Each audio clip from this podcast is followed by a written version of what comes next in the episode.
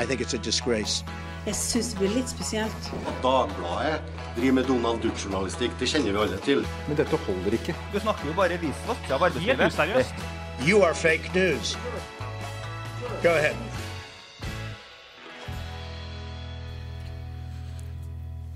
Det er problemer innad i Venstre og utad. Vi må snakke litt om Venstre som den gamle, gode Venstre-avisene vi er. Så har vi jo et eh, spesielt forhold til eh, det lille partiet som nå er i dyp eh, trøbbel. For ikke å snakke om Trine Skei Grande, er det vel særlig som nå, som nå er utfordret, Ola.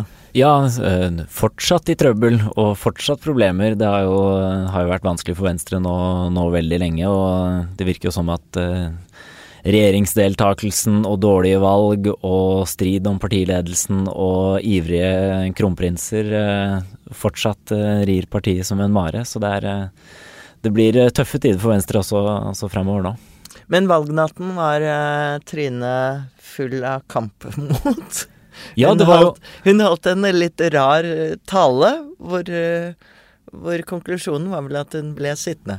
Ja, det var jo veldig mange som var spent på, nesten mest spent på valgnatten, hva som kom til å skje med, skje med Venstre og Trine Skei Grande. Og, For da hadde hun fått 3,8 ja, ikke sant, og mange spekulerte i om nå kommer hun nå til å varsle sin eh, avgang. Og Steinar Suvatne her i Dagbladet var jo den første som spurte jo om uh, Trine Skei Grande blir dette ditt siste valg som, eh, som partileder. Og da svarte hun vel å nei, nei, nei. Og vi konkluderte vel også raskt med at det ikke var opp til Trine Skei Grande selv, og det har vist seg i dagene etter at det er det slett ikke, for nå er eh, lederstriden, eh, hvis man kan kalle det det, i full gang, eller avsettelsen av Trine Skei Grande, vil jeg vel heller si. De skal også ha da en valgkomité som skal utarbeide et forslag til eh, landsmøtet neste helg. Men jeg syns at det er, det er en um, tid uh, som vi kan eh, snakke litt om Venstres bakgrunn, opprinnelse og veien videre. Intet mindre. Ja, fordi Og- ingen nekrolog. Altså halvveis, da. En, eh, en foreløpig, foreløpig liten, liten mininekrolog uh, om Venstre. Og da har vi fått selveste Jon Olav Egeland inn i studio. Hei. Hei, du er Du sitter Du er historieforteller nå i Dagbladet. så Det må du finne deg i. Ja, det, med det er greit, det. Eh, Ja. Og Venstre har jo en eh, mangfoldig og spennende historie. Eh, Norges første parti i 1883. Eh, mektig parti med Johan Sverdrup som innførte parlamentarismen året etter at Venstre ble stiftet. Dominerte jo norsk politikk og var sentral i hele tiden opp til annen verdenskrig. Var med på de borgerlige regjeringene også etter eh, annen verdenskrig, så Venstre har jo vært et styringsparti. Det er jo lett å glemme når man ser hvor lite partiet er i dag, selv om det altså sitter i, i, i regjering. Men partiet har jo også, som, det har vært som en isbre, det har kalvet. Eh, også andre partier. eh, Nå, ut- nå ga du meg et bilde her som ja, ja. ok, men eh, jeg holder meg til isbremetaforen, da. Ja. Eh, og og ut, av, ut av Venstre så, så kommer jo da f.eks. Bondepartiet, altså nåværende Senterpartiet.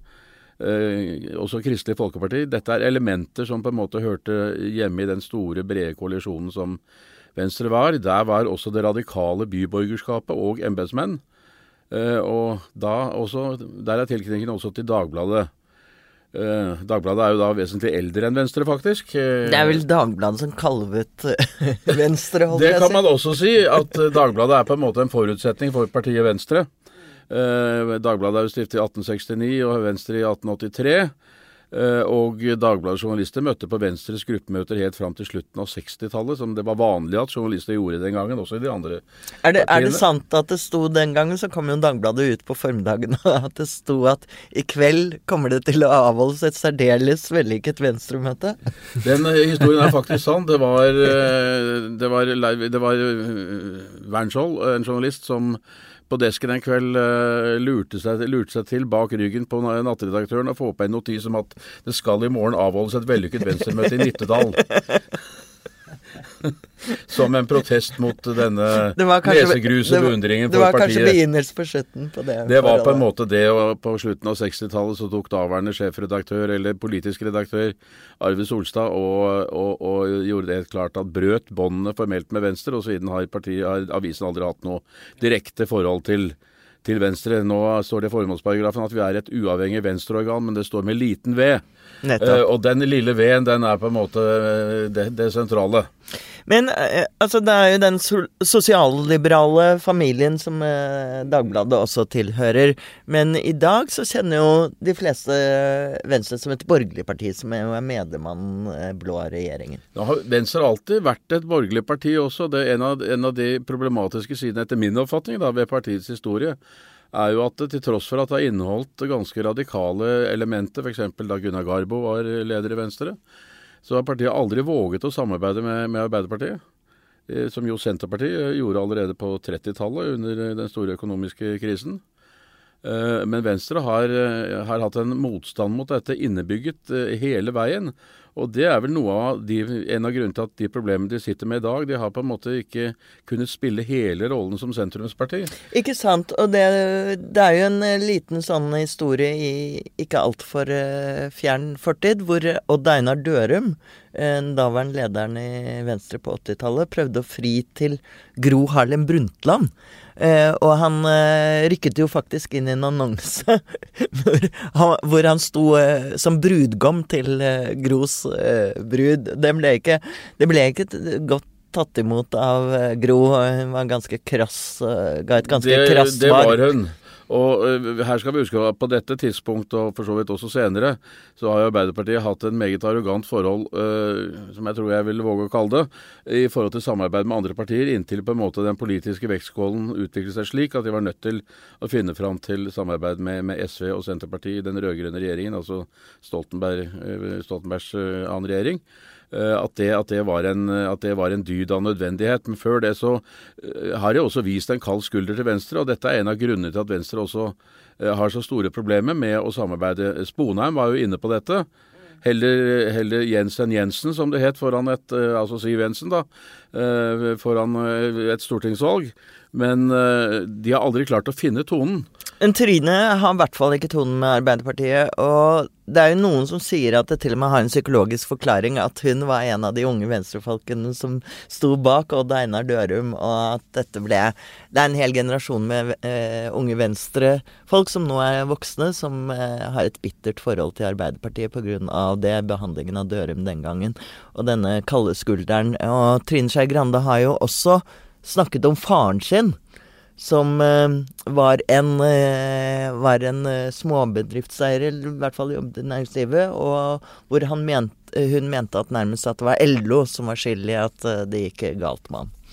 Ja, altså her, jeg, har- jeg har snakket med en del av disse venstrefolkene, og de, de, de har noen arr på sjelen i forhold til sine erfaringer med Arbeiderpartiet, som, som de ikke har klart å, å gjøre noe med. Og Når det gjelder de historiene du, du, du forteller, så, er det jo, så skal man jo ikke så veldig langt tilbake i norsk historie at det å handle på samvirkelaget, det var en politisk handling.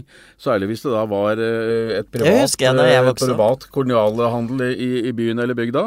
Eh, Så gjorde man ikke det. Det, var, det husker jeg hjemmefra, at det var forbudt å handle Mm. på Coop-en. Min far jobbet i Morgenbladet. Eh, som- I som den- Morgenbladet handlet man ikke på Coop. Der gjorde man ikke det. Eh, Sånn at eh, den opplevelsen der eh, vil man nok finne utover, utover bygda også, eh, hvor man sto der. Mm, mm. Og det var da eh, Trine gikk jo sterkt at hun sa 'jeg blir kvalm av LO'. Og det eh, var jo er jo en eh, Det er gjensidig, tror jeg, fra LOs eh, side. De er ikke så glad i Venstre og Trine, de heller. Nei, det var vel såpass eh, en del steder før stortingsvalget i 2017, da noen tolka Jonas frieri til samarbeid med KrF og kanskje en liten flørt med Venstre. Så brutalt at de, de tapte jo vanvittig mye oppslutning en rekke steder i landet hvor motstanden mot særlig da Venstres arbeidspolitikk, som er da for mer midlertidighet og mindre vern i arbeidslivet, som, er, eh, som ble dårlig mottatt blant eh, Aps velgere. Og dette, Ja. og dette går faktisk veldig langt tilbake i historien, hvis jeg sier det nå er her som et slags historisk vitne. Historisk leksikon. Eh, Så er det jo slik at Venstre, og for så vidt også Dagbladet, har jo vært veldig mot streik. Altså streikevåpenet i seg selv. Man har vært veldig for voldgift. Nå løses jo de fleste streiker i Norge faktisk da gjennom, gjennom, gjennom enten gjennom voldgift eller ved vedtak, ved, ved vedtak i Stortinget, altså ved lov, lovendring i Stortinget. Men voldgiften, altså der har man vært veldig skeptisk til arbeiderbevegelsens bruk av kampvåpen. Slik at her går en lang motsetning faktisk helt tilbake til 20-tallet, i hvert fall, på dette området med avstand mellom synet på, på hvordan man skal organisere arbeidslivet. Ja, og det tenker man egentlig ikke over, men LO sa jo for noen år siden at de mente at Venstres arbeidslivspolitikk eh, lå til høyre for Høyre.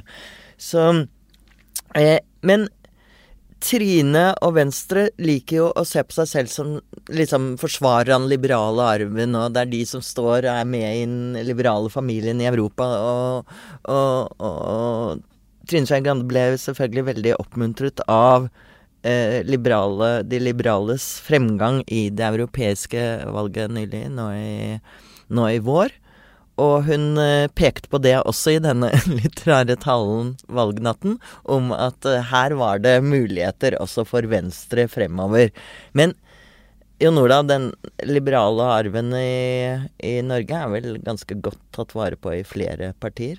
Ja, hvis, du, hvis man Altså at, at, Norge henger sammen så godt politisk, og at det ikke er så veldig stor forskjell om vi har den ene eller den andre regjering, har jo med nettopp med det å gjøre. At uh, den, det liberale demokratiet er på en måte grunnplanken for uh, alle partier, fra, ja, selv fra, fra, Fremskrittspartiet til SV i hvert fall. Uh, så, så, så, aksepterer man det i, i, litt forskjellig grad. Man har litt ulikt syn på, på individet og staten, og der er selvfølgelig Venstre mer liberalt enn f.eks. Arbeiderpartiet. Eh, men, men, selve de liberale grunntakene er godt ivaretatt. Nå har jo ikke Venstre heller markert seg så mye som et liberalt parti. De har prøvd å være et grønt parti. Det er jo det som har vært på en måte eh, profilen. Eh, og der er jo andre da kommet inn og sterkt SV har jo vært der også hele tiden, men med Miljøpartiet så har de fått en sterk konkurrent der også. Så jeg skjønner jo hva hun mener når hun sier at hun skal bre ut partiet og gjøre det mer liberalt. Men da hun ble spurt om dette på valgnatten, så hadde hun jo ikke noen særlig saker utover at skulle bekjempe handelsproteksjonisme og, og, og uh, være mot de som bekjemper EØS og sånn. Jeg er ikke sikker på at uh, om Venstre begynner å blande seg opp i europapolitikken, som vi har blitt splittet på en gang før, at det er en veldig sikker vei for suksess for, for Venstre. Da må, da må, man nok gå inn i andre liberale verdier. og Da, da må det jo være sånn som f.eks. personvern og en del andre slike ting som faktisk har en økende betydning pga. den teknologiske det, det det. utviklingen. Det har det, og jeg vil jo si at Venstre har vært stødig i disse spørsmålene, og, og har noen ja, eh, politikere som er veldig frempå når det gjelder disse verdiene blir utfordret. Men, men det virker ikke som om det er et uh, er eh, et stort nok velgergrunnlag i seg selv. At folk er ikke så opptatt av det. Det er kanskje et uh, godt parti for Anine Kierulf, for alt jeg vet, men, men, uh, og for, for uh, oss i Dagbladet, men, men, ikke for de store massene. Nei, det er åpenbart at du vinner ikke valg på å forsvare ytringsfriheten. Den tar folk som en selvfølge. og du vinner heller ikke valg på en måte på å være mot sterk overvåking av enten det er fra private selskaper som Facebook eller fra myndighetene. Eh, trygghet eh, ser ut til å være en, en viktigere verdi enn en frihet hvert svært, for svært mange velgere. Men det kan jo endre seg etter hvert som, etter hvert som inntrengen i særlig privatsfæren blir stadig større i samfunnet, så vil det nok være behov for partier som har liberale standpunkter og slåss for det å sette grenser. Og Der kan jo Venstre spille en rolle, men, men, det er vel sannsynlig at også andre partier vil gjøre. Her har jo også Høyre en tradisjon, en liberal tradisjon på dette området, eh, som av og til eh, dukker opp og, og faktisk er aktiv. Nøkkelordet er av og til, kanskje? Ja, jeg lurte på om, eh, om, eh, Venstre kanskje ser litt uh, til Frankrike f.eks., og håper kanskje på at de kan komme som en liten outsider på samme måte som Macron. Og, Trine Macron Grande? Ikke sant, og, og bli liksom en Få en voldsom sånn folkelig støtte og bevegelse bak seg. Men hva, hvordan anser dere sannsynligheten for at det er Venstre som blir det partiet, hvis vi skal få en lignende protestbevegelse som man har sett i Frankrike? Ja, så Vi er jo utenfor EU, det er jo hele forskjellen. Og i, i, i, Frankrike så handler jo svært mye om hvordan man uh, skal bruke EU, og der er Frankrike en stor makt i EU. Uh, slik at uh, integrasjonen, europeisk integrasjon er jo på en måte en, en, en, viktigere politisk sak i Norge, hvor eh, rundt, ja, De siste målingene jeg har sett, så var det rundt 80% av norske folk som ikke vil være medlem i EU. Flere, da var det flertall av alle partier, inklusive Høyre, mot medlemskap. Sånn at uh, det, det, grunnlaget for, for, den biten er vel ganske svak i Norge. Men 70% eller noe sånt støtter vel EØS-avtalen? og jeg, Man kan jo se for seg hvis eh, Arbeiderpartiet etter masse press fra LO ender opp med å bli imot, Senterpartiet blir veldig stort, eh, og SV er jo allerede mot, Rødt er allerede mot. Hvis man får et regjeringsskifte og det kan da at EØS-avtalen kan, kan, falle, kan, jeg tror, kan aldri, jeg tror aldri, og dette kan jeg som alltid måtte spise i meg, men jeg kan aldri se for meg at Arbeiderpartiet går mot EØS-avtalen. Eh, det er, det er lite. Men det som er interessant, er jo at det andre liksom grønne partiet, da, eh, MDG, er jo også for EU. Så, så dermed så det er jo kanskje litt sånn uh, vanskelig også for Venstre at, uh, at de kunne i hvert fall si at vi er for det europeiske samarbeidet og det internasjonale samarbeidet hvis MDG hadde vært mot det. Men nå er liksom uh, er de på samme, samme arena på det området også. Men det åpner også noen muligheter. I hvert fall for revitalisering av sentrum. Altså Hvis MDG oppfører seg slik de sier de er, et blokkuavhengig parti, og det tror jeg faktisk de at de, at de, faktisk at de mener at, de, at, det samarbeidet de har til venstre nå, f.eks. i Oslo, det er jo betinget av at de fikk gode vilkår og har fått til de grader en profil der. Men at de må kunne samarbeide på, i, i, sentrum også i andre sammenhenger. Og da vil jo f.eks. da eh, et uh, vennlig, europavennlig MDG og et europavennlig Venstre uh, straks kunne utgjøre en, en viss tyngde i, i sentrum. Eh, slik at uh, man skal ikke se bort fra at, uh, at i hvert fall det kan skje noe der. Men ellers er jeg enig med deg at, at Arbeiderpartiet skulle snu i EØS-spørsmålet, det anser jeg som utenkelig. Men jeg har tatt feil i sånne spørsmål før. Ja, nei, altså Spørsmålet er bare hvor mye det vil koste dem. da, eh, Og hvis den folkelige motstanden mot en del eh, symbolsaker eh, som kommer fra EU blir, blir enda større. altså Man har jo både hatt ACER og, og jernbanedirektiv og en rekke andre ting. Jeg tror heller ikke at de kommer til å falle. Det er sterke krefter i Arbeiderpartiet som vil være for det her. Også sterke krefter i LO, for den saks skyld. Hvis, hvis Arbeiderpartiet ønsker å bli et enda mindre parti, så vil jeg støtte en sånn linje. men uh, nei uh, Men uh, vi snakker om, om Venstre og, og deres fremtid. Og Trine Skei Grande. Jeg Og det er vel ikke så veldig å se spåkulen engang og si at hun ikke er leder av, av Venstre til neste år. Er, jeg ville tro at det er sannsynlig, men det er en prosess som må foregå. Vi skal jo også huske på at hun ikke bare er leder av Venstre, hun er jo også statsråd og kulturminister. Eh, og er den drivende kraft i Venstres eh, tilknytning til regjeringen. Eh, slik at det er mange ting som skal på plass før man kommer dit. Venstre skal ha landsmøte neste år. Det er det naturlige stedet hvis man skal følge den vanlige gangen. Det er det dette. de har lagt opp til. Det er det de har lagt opp til. Og da skal de også vedta et nytt prinsipprogram. Uh, som også gjør en mulighet for å, for å, på en måte skjerpe eller forandre den politiske profilen i den retningen de ønsker.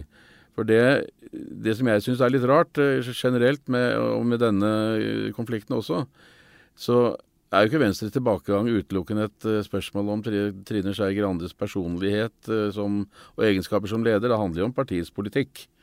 Uh, Selvfølgelig, men, men, hun har unektelig skapt mye strid innad. Det har vært mye konflikter rundt henne, det har vært personstrider.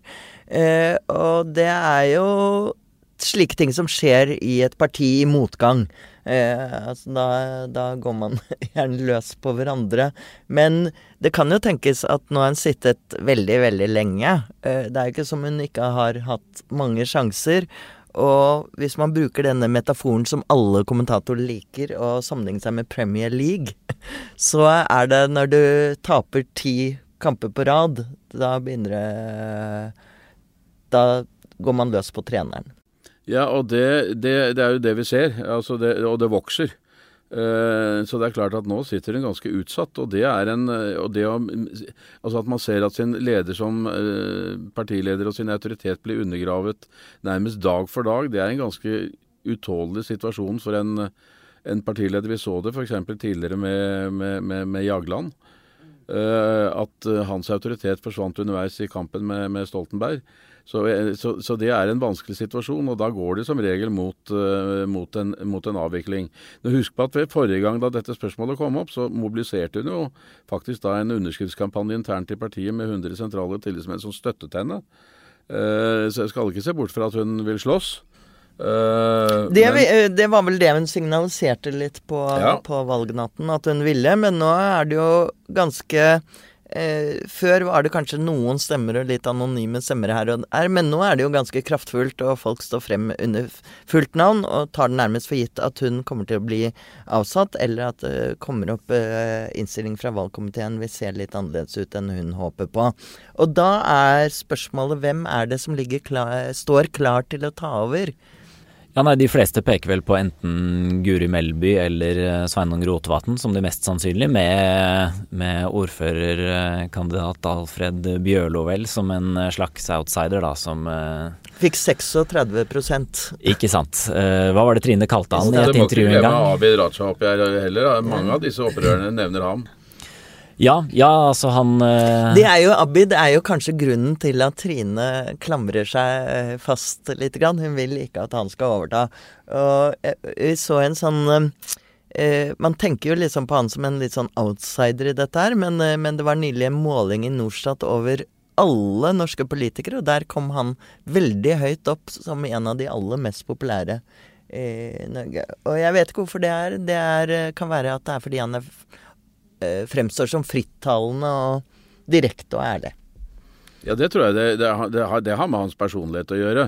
Og fordi han er, eh, han er, en, han er en, ganske sjarmerende person. Mm. Eh, som jo, som du sier, som, som det virker som snakker eh, veldig direkte og ærlig. Eh, og det er jo egenskaper som, eh, som norske velgere alltid har lekt. og han representerer også liberale verdier. Eh, og med sin etniske bakgrunn, eh, som, sin innvandrerbakgrunn, så er, det en, så er det også en interessant eh, kombinasjon. Jeg tror noe av problemet hans er eh, kanskje ikke at velgerne syns at han, han, virker som en fin fyr, det er jo bare bra for han, men at det, alle de tillitsvalgte i partiet eh, liker han ikke spesielt godt. Og han har gikk ut for tredje landsmøte på rad imot partiledelsen og skapte splid og splittelse nå, nå tidligere i vår.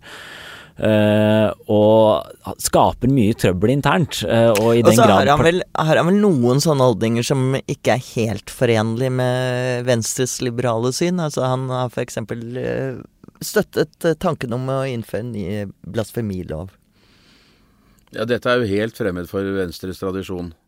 Her, men her har han hele tiden vært på glid.